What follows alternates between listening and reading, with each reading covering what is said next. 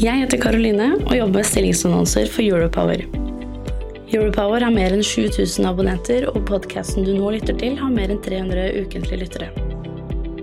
Hvis du er på jakt etter ny jobb, se stilling.europower.no.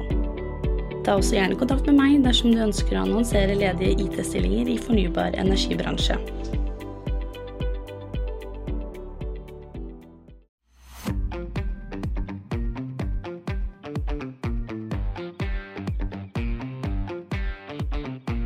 Hei, og velkommen tilbake til eh, Europowers strømmarkedet på tre minutter. Vi må begynne med fredagens spotpris, som altså havnet på to øre kilowatt-timen i snitt for døgnet. Ikke bare i Norge, men også i Sverige og deler av Danmark. Og Finland også fikk også veldig, veldig lav pris eh, fredag. En av årsakene er eh, høy temperatur, som også svekker etterspørselen etter strøm til oppvarming. Altså åtte grader i snitt skal temperaturen være over det som er normalt for årstiden på fredag. I tillegg så produseres det altså dobbelt så mye vindkraft som normalt i Norden. Det betyr altså 20 gigawatt i gjennomsnitt vindkraftproduksjon i Norden gjennom døgnet. Sammenlignet det med norgesrekorden i strømproduksjon, den er på 28 giga.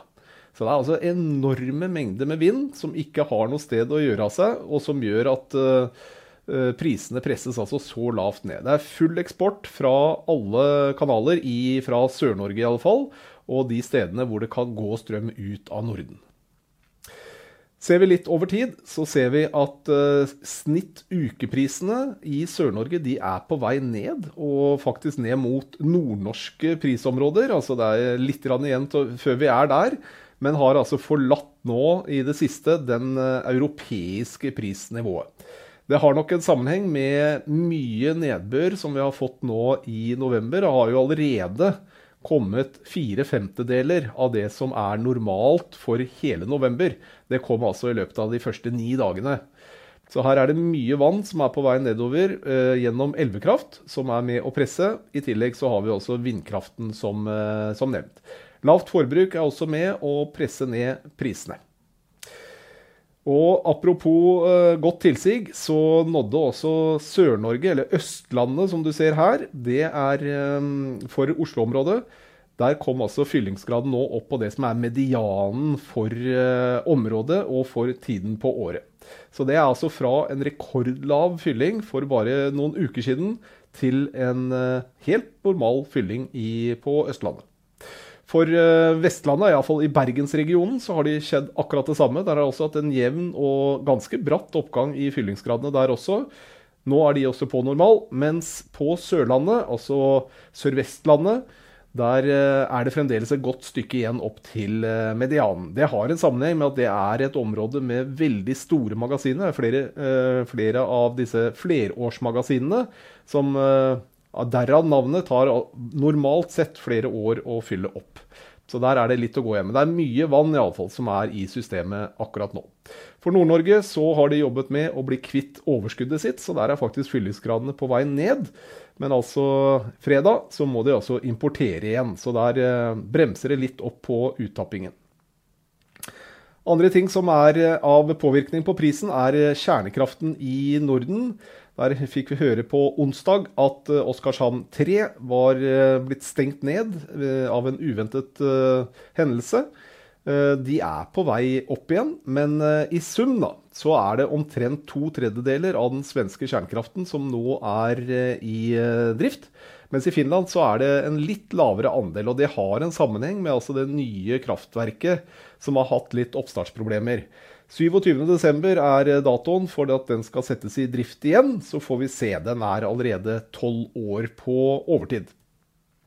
Gass har vært med å holde prisene på strøm oppe i Europa, men også i en kortere periode faktisk også vært med å presse prisene i Europa, fordi det har vært mye gass på kort sikt, altså overtilbud av gass i markedet eh, på veldig kort sikt. Eh, som har gjort at spotprisene på gass har holdt seg lave. Nå er de på vei oppover, begynner å nærme seg faktisk prisen for leveranse i desember. Dette har eh, påvirkning på de europeiske prisene.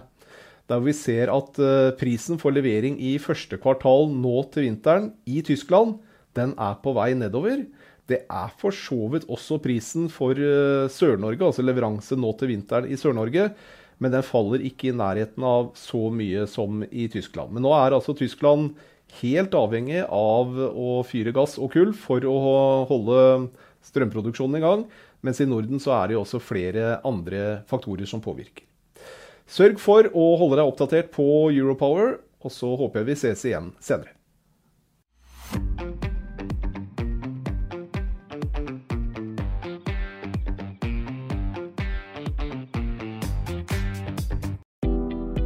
Jeg heter Karoline og jobber med stillingsannonser for Europower. Europower har mer enn 7000 abonnenter, og podkasten du nå lytter til, har mer enn 300 ukentlige lyttere. Hvis du er på jakt etter ny jobb, se stilling.europower.no. Ta også gjerne kontakt med meg dersom du ønsker å annonsere ledige IT-stillinger i fornybar energibransje.